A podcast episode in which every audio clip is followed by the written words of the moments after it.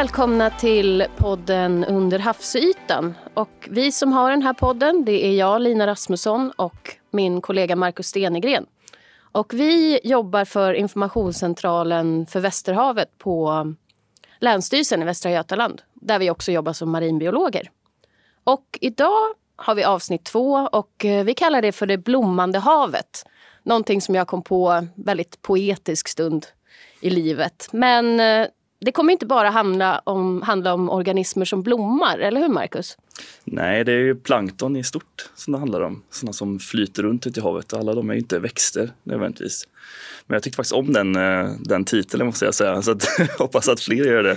Det blommande havet. Och det är ju ganska relevant just nu också när vi har pratat en hel del om, om uh, vårblomningen som eh, skulle varit på gång för ganska länge sedan men som vi har hållit utkik efter med ljus och lykta men inte riktigt fått grepp om än.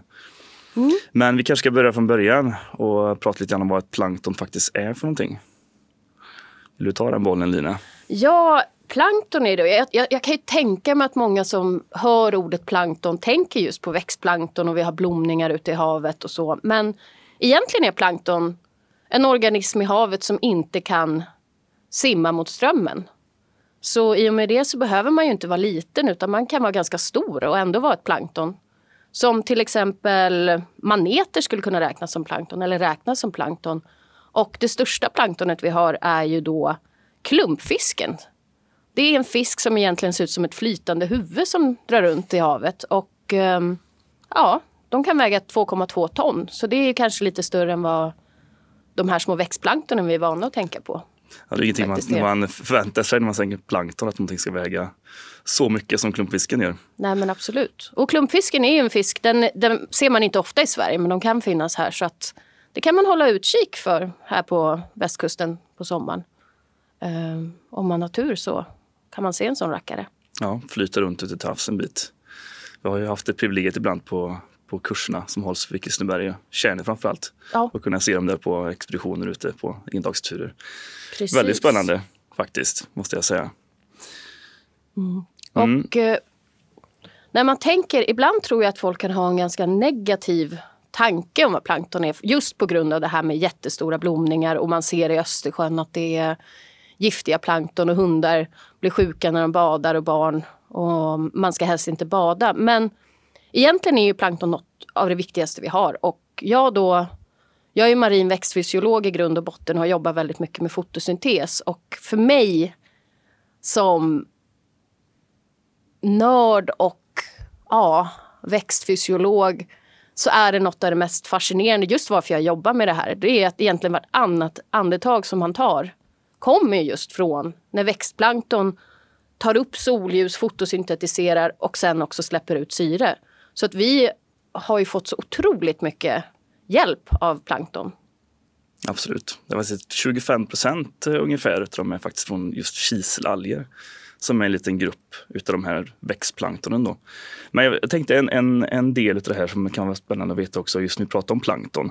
Det finns olika grupperingar givetvis. Du har ju djurplankton och växtplankton. Växtplankton är ju mycket det vi kommer prata om idag. Eh, och sen de lite större då, som maneterna och den största klumpfisken.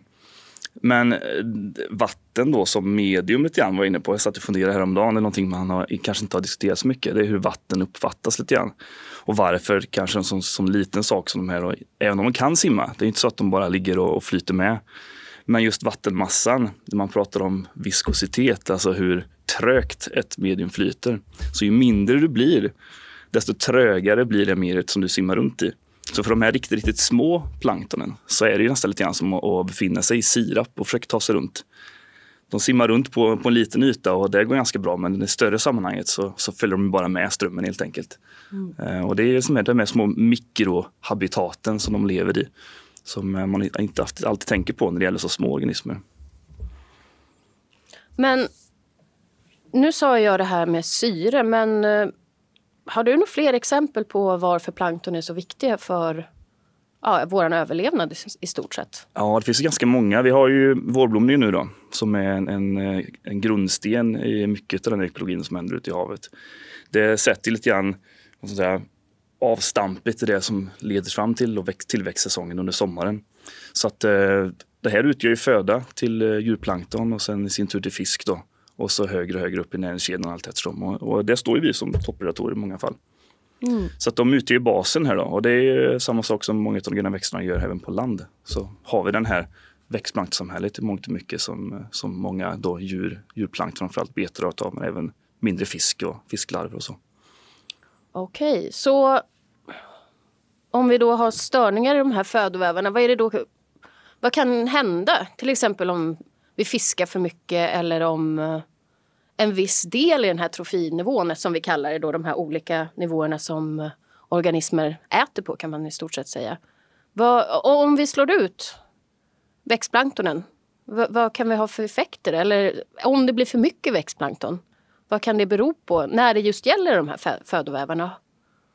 Ja, näringsämnen behöver ju alla eh, djur och växter. Och för växtplankton så är det näringsämnen som de tar upp direkt ur vattnet. Och det är därför då vårblomning exempelvis sker då den sker. För då har vi fått en ansamling av näringsämnen under vintern. Och så kommer ljuset, eh, mestadels det handlar om ljus. Och så börjar det då blomma när de här näringsämnena finns tillgängliga och det finns de då på, på vårkanten. Men å andra sidan skulle det vara så att eh, man slår ut då exempelvis mycket av, av växtplankton eller kanske tar bort en hel trofinivå. Men, eller kanske vid väldigt lite näringsämne, då får man ju lite av någonting som då livnär sig på just det. Så skulle vi få väldigt lite växtplankton, det är klart, då är ju planktonen mindre att äta av. Och det i sin tur ger då en, en kaskadeffekt som vi kallar det, ger eh, effekter längre upp i den här kedjan. Så att då kanske vi får mindre fisk i slutändan. Mm. Så att allting hänger ihop i, i det här systemet. Ja. Och det kan vi ju säga också att det här handlar ju inte bara om plankton utan andra delar i det här systemet i havet kan ju också funka på samma sätt. Till exempel att om vi tar bort små fiskar, eller stora fiskar snarare, de här toppredatorerna som vi kallar det. Så ponera att vi tar bort torsken. Då har ju mindre fiskar som sill och liknande, de har ju inte lika många fiender som äter upp dem. Och då går ju sillen på och käkar upp kräftdjur till exempel som går och betar och fungerar som små trädgårdsmästare och äter såna här fintrådiga alger som man ofta ser. Som också kan bilda en typ av blomningar fast det är då inte av plankton. Och det är då vi kan se väldigt som fluffiga moln i havet. Som också är en typ av blomning. Så det är de här problemen som vi har lite här på västkusten. Att eh, Det kan bli en förändring i de här olika stegen i näringsvävarna helt enkelt. Och det stör hela balansen. Mm, ja, precis. Så där är det viktigt i, i exempelvis då förvaltning eller åtgärder att man har fler bollar i luften än en. Mm. Eftersom allting hänger ihop på ett eller annat sätt. Då. Men vi har ju pratat lite grann om eh, i den här då och vi ska komma tillbaka just till växtplanktonen igen. Det finns ju givetvis fler blomningar än bara vårblomningen. Eh, ska vi gå in lite grann i detalj på, på några fler typer av blomningar och ofta som, som vi även får inrapporterade under sommarhalvåret framför men även under andra delar av året till informationscentralen. Ja, och då vill jag lite slå ett slag för mina favoriter. Kokolitofärerna heter de. och eh, det är en typ av kalkalger. Eh, och jag jobbar egentligen med kalkalger som är större. Men sen finns det ju den här planktonvarianten. Och om ni tar och googlar på på kokolitofärer eller kalkalger och gärna en art som heter Emiliana huxley som finns mycket av här på västkusten så ser ni att de ser ut som små runda bollar byggda av kalksköldar. Så det ser i stort sett ut som ett skepp taget direkt från Stjärnornas krig. Och när de här bildas och det blir väldigt, väldigt många av dem, då ligger det nästan som vita slöjor i vattnet. Och de kan vara lite turkosartade också. Och gärna lite längre ut till havs, så det behöver inte vara just i kustbandet. Så att är man ute och åker båt och ser det liggandes på vattenytan så är det absolut ingen fara utan det är bara en blomning av de här kalkalgerna. Det kan man se från rymden också om man tittar på satellitbilder. Så ser det nästan ut som långa molnstråk. Och de här algerna de är ju Ja, nu börjar jag gå igång här. Ja, det är bara att köra. Precis. Nej, de är, är, väldigt fascinerande. Man kan ta ett exempel som om ni tänker de här vita klipporna längs kusten i England, klipporna vid Dover. De är helt uppbyggda av såna här kokolitofärer fast då är mer ja, döda avlagringar av dem. Så att, eh, Själva ja, kalken då? Exakt. Mm. Så det är väldigt, väldigt häftiga organismer. Och en annan häftig organism får du gärna berätta om. Eh, det som många känner till som mareld. Mareld, ja just det. Ja, det är någonting som vi ofta får in rapporter om. Det blir främst framåt hösten, sensommaren, hösten. Men det har även blivit så att vi fått in rapporter om, om mareld i, väldigt sent på året. Då förra året så var det nog så sent som i des, början december faktiskt. Och det är ju en, en dinflagellat för de som vet vad det är för någonting. Och eh, de är ju också växtplankton men ser lite annorlunda ut. Jag tänkte vi skulle komma in lite grann på kiselalger sen. Men det, det är de två stora grupperingarna som vi oftast har att göra med. Eh, och marelden är ju någonting som är helt ofarligt, men det är oftast väldigt häftigt att se. Dagtid också så utgör en blomning av, av då mareld egentligen bara som en, en brun, orange, rödaktig sörja som oftast då ansamlar sig inne i, i um, hamnområden och nära strandkanten och sådär. Och det ser lite så här otäckt ut faktiskt. Det, det, håller jag med om och ingenting man gärna skulle vilja hoppa i direkt mm. om man är sugen på ett bad. Men sen framåt kvällskvisten där, när det börjar mörkna på lite grann, då kan de här små dineflaggorna avge ett ljus, det vi kallar för bioluminescens. Så det är en kemisk reaktion inne i de här små, små cellerna som då avger ett, ett ljussken. Och det gör de oftast när de blir lite störda. Så i just det här området där det är kanske lite vågsvall, runt mm. stenar och, och nära en på stranden, där då fluorescerar de eh, ganska starkt ibland faktiskt om det är en, en riktigt tät blomning. Och då ser det väldigt, verkligt häftigt ut. Mm. Har, har, ni chansen någon gång och ni vet att det är mareld i vattnet och en mörk höst eller så, då, då är det jättehäftigt att gå ut och ta en simtur. Och en gång har jag varit ute och rott i det där så varje årtag har bara varit som, som glänsande, ja, glänsande vågor från båten. Så att det, det kan jag garantera. Ja, Eller garantera, kan jag ja. rekommendera? Nu börjar svenska språket svalla iväg här också. ja, precis. Så kan man även, om man då är lite osäker på det man hittar för någonting, jag tänker på dagtid då, så om man kan göra att man har en liten petflaska eller en glasburk kanske någonting, så kan man samla upp lite av det här vattnet då med de här blomningarna i, eller planktonen då, och, och spara det till kvällskvisten eller gå in i ett mörkt rum. Och så skakar man lite grann på detta här. Då kan det visa att det fluorescerar lite grann. Så att är det då det man ser, att man ser lite ljussken, då vet man att ja, men det här är mareld. Så att det är ett sätt att ta reda på om det nu är någonting otäckt man hittar på dagtid eh, i strandkanten, exakt vad det handlar om. Då. Bra tips. Ja, det... Häftiga partylampor också. Ja, man skakar dem ofta bara. Precis. Det är väl det man har barn för kan jag tänka mig. Ja, ja precis. Eller om man har en skakplatta hemma kanske. Ja. Mm. Vi pratade lite grann om eh, om kiselalger också. Och det, vårblomningen har vi varit inne på redan. Och vårblomning är i mångt och mycket just kiselalger. De är, de lite större växtplanktonen som vi, som vi ofta kommer i kontakt med. Och de bildar då, när vi pratar om blomning så handlar det om egentligen om att de är väldigt, väldigt många på samma plats. Så vårblomningen visar sig egentligen inte då som, som en, en matta eller en sån här slöja av, av täta bestånd utan att det regel så brukar man kunna se det genom att det blir väldigt mycket grumligare i vattenmassan, i vattenkolumnen. Det är ganska tydligt om man är, är van att kika kanske i en liten grundare vik hemma vid. Och sen eh, helt plötsligt en dag så har det smält till och så har det blivit väldigt mycket grumligare. Och händer det då kring, kring slut på februari och inom mars månader så är det oftast det det handlar om. Mm.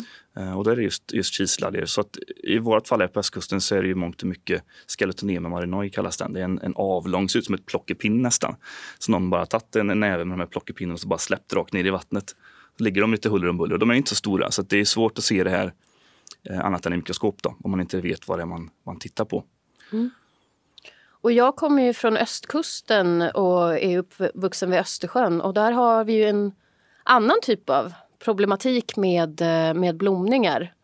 Kan du säga något om hur det ser ut här på västkusten eh, när det gäller då framförallt cyanobakterier som ofta är den typen av blomningar som vi ser på sommaren i Östersjön? Ja, det är ju det är också, alltså Östersjön-situationen den har ju, har ju pratats om ganska mycket och ganska länge. Det är ju ingenting nytt egentligen för de flesta människor som har haft med, med Östersjön och havet att göra just med de stora oceanbakterieblomningarna. Och det, det är ju en utveckling sommartid då, som våra kollegor i Stockholm följer på den informationscentralen där för egentligen Östersjön. Men vi tar också del av den informationen givetvis och ibland har det blivit så att vi, vi även publicerar någonting kring det i våra sociala medier. Och, och de blir ju ganska stora den här blomningen och de är även giftiga, de här cyanobakterierna. Um, ehm, och då producerar ett gift som, som uh, kan vara väldigt otäckt för både djur och, och människor. Uh, på västkusten så har vi inte riktigt det problemet för de, de trivs ju inte riktigt i det salta vattnet vi har här. Men som exempelvis då uh, förra året och, och något år innan det så har vi ju sett så stora blomningar av cyanobakterierna nere kring södra Östersjön, då, eh, eh, Tyskland, Polen, deras, deras stränder. Då. Som sen med strömmar och, och vindriktningar som legat på åt fel håll för oss då, helt enkelt har trängt in genom Öresund. Så att vi även fått eh, en del av de här i södra Kattegatt. Även om de då oftast är döende och, och och håller på att brytas ner så, så har de ändå dykt upp där. Uh, och det kan ju te sig lite otäckt kanske, även om det inte är någon direkt fara egentligen så. Men man har sett en tendens till det. Och det är klart att eh, ska det fortsätta öka i omfattning, blomningen i Östersjön, så lär vi nog få se mer av det. Mm. Och även om det inte bara är det att de är giftiga och farliga för oss är det ju andra problem som, som kan hända i och med de här stora blomningarna då från Östersjön. Och det är ju ofta att det kan bli syrebrist. Och sen kan vi också se att det, det blockar ljuset så andra växter i havet får inte det ljus de behöver. Eh, men även om vi inte har... Vi har ju inte de här stora blomningarna då som vi har i Östersjön här på västkusten. Men vi har ju ändå de giftiga cyanobakterier och andra bakterier som kan dyka upp och algtoxiner som vi då kallar det. Giftiga eh, fytoplankton. Och Eh, det som vi gör i vårt jobb det är ju att varje vecka så lämnar vi av rapporter. För då får vi rapporter från Livsmedelsverket och SMHI. Eh, vad de har hittat för, för potentiellt giftiga alger och också bakterier. Och SMHI de tar prover, hovprover i, eh, i vattenkolumnen vid olika stationer och Livsmedelsverket kollar då i våra bivalver. Bivalver är då alltså musslor Eh, och eh, ostron. ostron. som har två skal, alltså bivalvia. Um, och, uh, så det får vi rapporter på varje vecka och skickar ut då till allmänheten antingen via vår webbsida eller vår Facebook-sida. Och de här eh, olika eh, toxinerna då som vi rapporterar om det är ofta sådana som kan orsaka kräksjuka och diarréer och sånt, så det är otrevliga eh, otrevliga ämnen även om vi inte har såna stora blomningar av det. Och det som är, är ju att musslor och ostron, de är filtrerade. Så att det de gör för att få i sig näring är ju att de filtrerar vattnet om och om och om igen. Så att då får de i sig plankton och bakterier som då ligger kvar i deras biomassa och ackumuleras där i. Så att till slut blir det ganska höga halter i musselköttet av de här olika toxinerna. Och när vi då äter dem så är det lätt för oss att bli sjuka. Mer än om det är något djur som inte filtrerar vattnet om och om igen. Så att, eh, det är därför man bör tänka sig lite för när man skördar ostron själv i, i havet och musslor. Då. Och eh, det är också därför som eh, det, det kan vara bättre att ja, köpa musslor och ostron i handeln för att de är garanterat giftfria. Och sen har vi också nedgång av blåmusslor längs hela västkusten. Så att av den orsaken så kan det också vara en fördel att inte skörda dem själv. Och ostron behöver man ju dessutom tillstånd från den som äger eh, vattentäkten för att skörda. Så att därför kan vi rekommendera handeln för det. Mm, det, det, är ju absolut en jätteviktig del av den rapporteringen vi gör. Det är ganska ofta som vi gör den här rapporteringen också, ungefär en gång i veckan. Mm. Och, eh, så det blir en stor del av den, den miljöövervakning som vi är del av. men det kommer vi också in lite grann på, på problematiken i den här rapporteringen och lite grann därför också som vi är ofta i den rapporteringen vi gör lite bredare i, i det, de rekommendationer vi går ut med. Och det har ju med själva provtagningen att göra. Vi har ju eh, ett antal stationer där man provtar då för, för växtplankton. Eh, där vi får reda på vilken artsammansättning som är, vilka arter har vi, är de giftiga eller inte, hur många är de, uppgår de till de här gränsvärdena som är satta då? Och de här är egentligen inte mer än fyra, fem stycken till antalet längs hela Bohuskusten. Så det är ju ganska, en ganska begränsad bild som vi har utifrån det här. Och samtidigt då så har vi kopplade de här provtagningarna från produktionsområdena för musslor och ostron.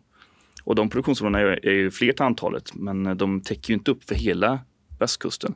Och absolut inte för varenda liten enskild vik som eh, man eventuellt kan då vara ute om man själv plockar. Så att eh, den övervakning som vi gör, den blir ju inte heltäckande då. Det finns lokala avvikelser garanterat i det här. Och problemet med just att, att provta växtplankton är att det blir ju lite grann av en ögonblicksbild just i det momentet som du tar det här provet. Så eh, många av de här har ganska kort generationstid, de växer till väldigt snabbt. Och det kan handla om, om timmar till dagar bara.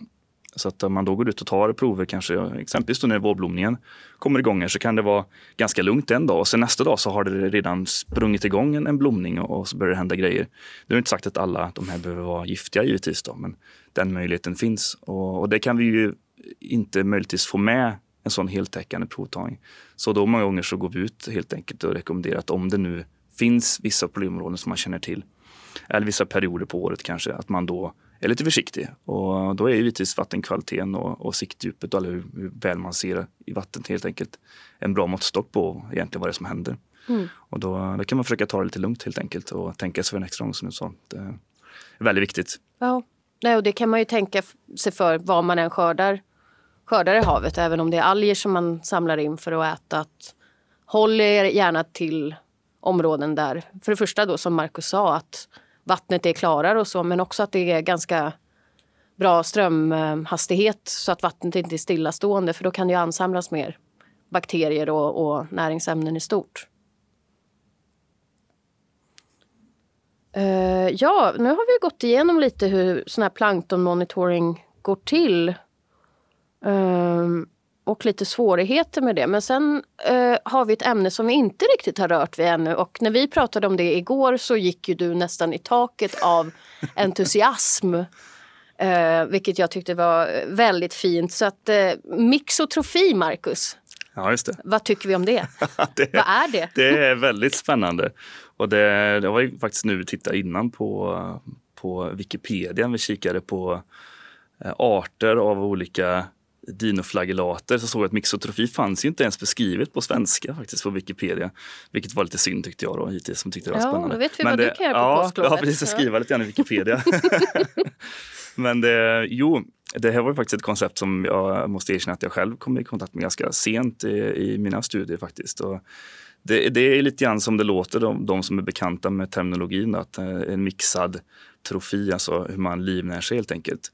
Och, och det här gäller främst då dinflagellater, eh, men vi vet väldigt lite om det. Och det handlar helt enkelt om att man vid ett tillfälle som plankton då kan tillgodose eller skapa energi då, eller få energi genom solljus och näringsämnen eh, som ett växtplankton. Så klorofyll och hela den här biten som, som vi är vana vid att, att växter ska uppföra sig. Men å andra sidan så kan det samtidigt då vara, man kallar det som en heterotrof, att man, man äter sin, sin energi, sin föda, man får det genom att äta en annan organism helt enkelt. Så att då finns det vissa arter av dinoflagellater som helt enkelt kan byta emellan att tillväxa som en växt och med klorofyll och solljus i den biten till sen när det passar då helt enkelt eh, svälja någonting som råkar och, och simma förbi eller glida förbi då istället. Så då istället eh, uppföra som ett djurplankton och äta någonting annat.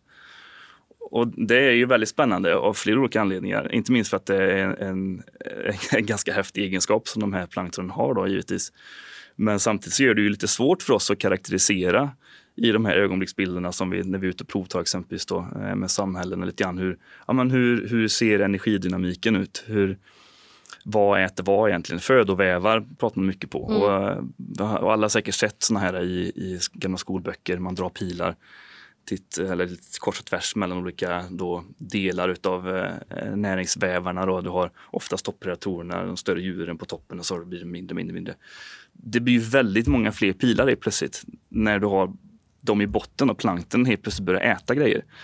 Så det blir väldigt svårt att få grepp om exakt hur det fungerar. Och sen när de kan byta fram och tillbaka hela tiden, det gör det ännu mer komplext.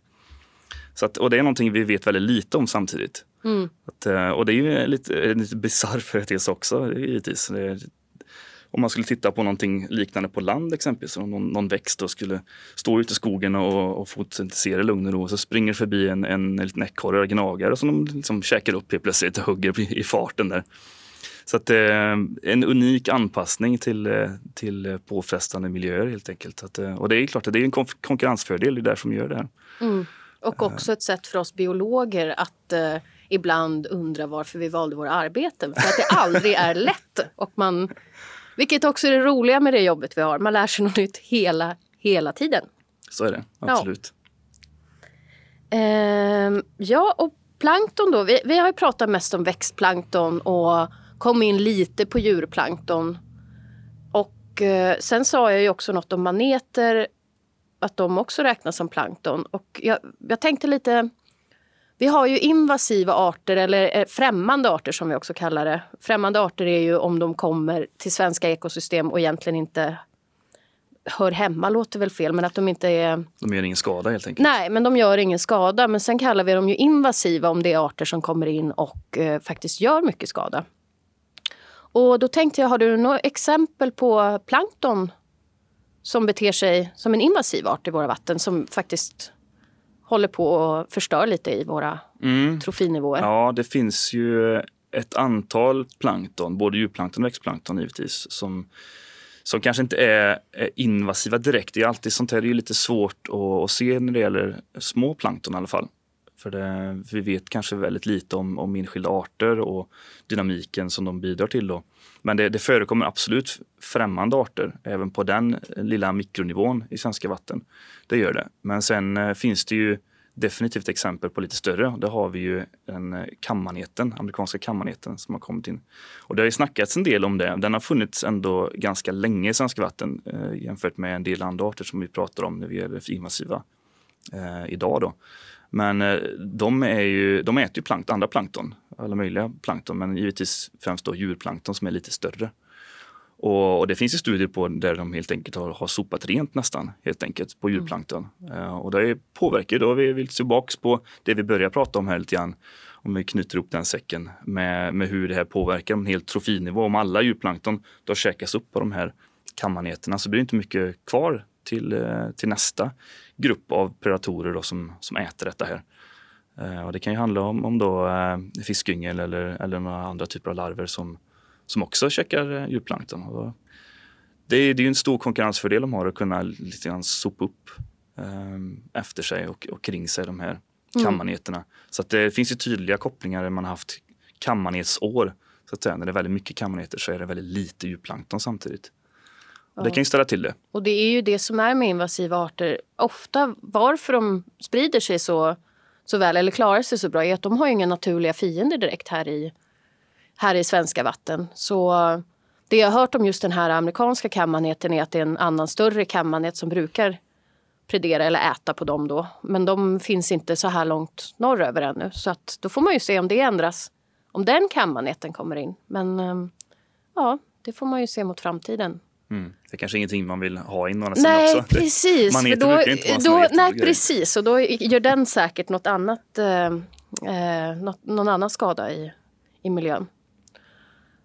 Eh, med det så tänkte jag säga att eh, nu har vi kommit in på det här med invasiva arter och nästa avsnitt som vi har tänkt att spela in så ska vi då mm, prata om just invasiva arter på den svenska västkusten.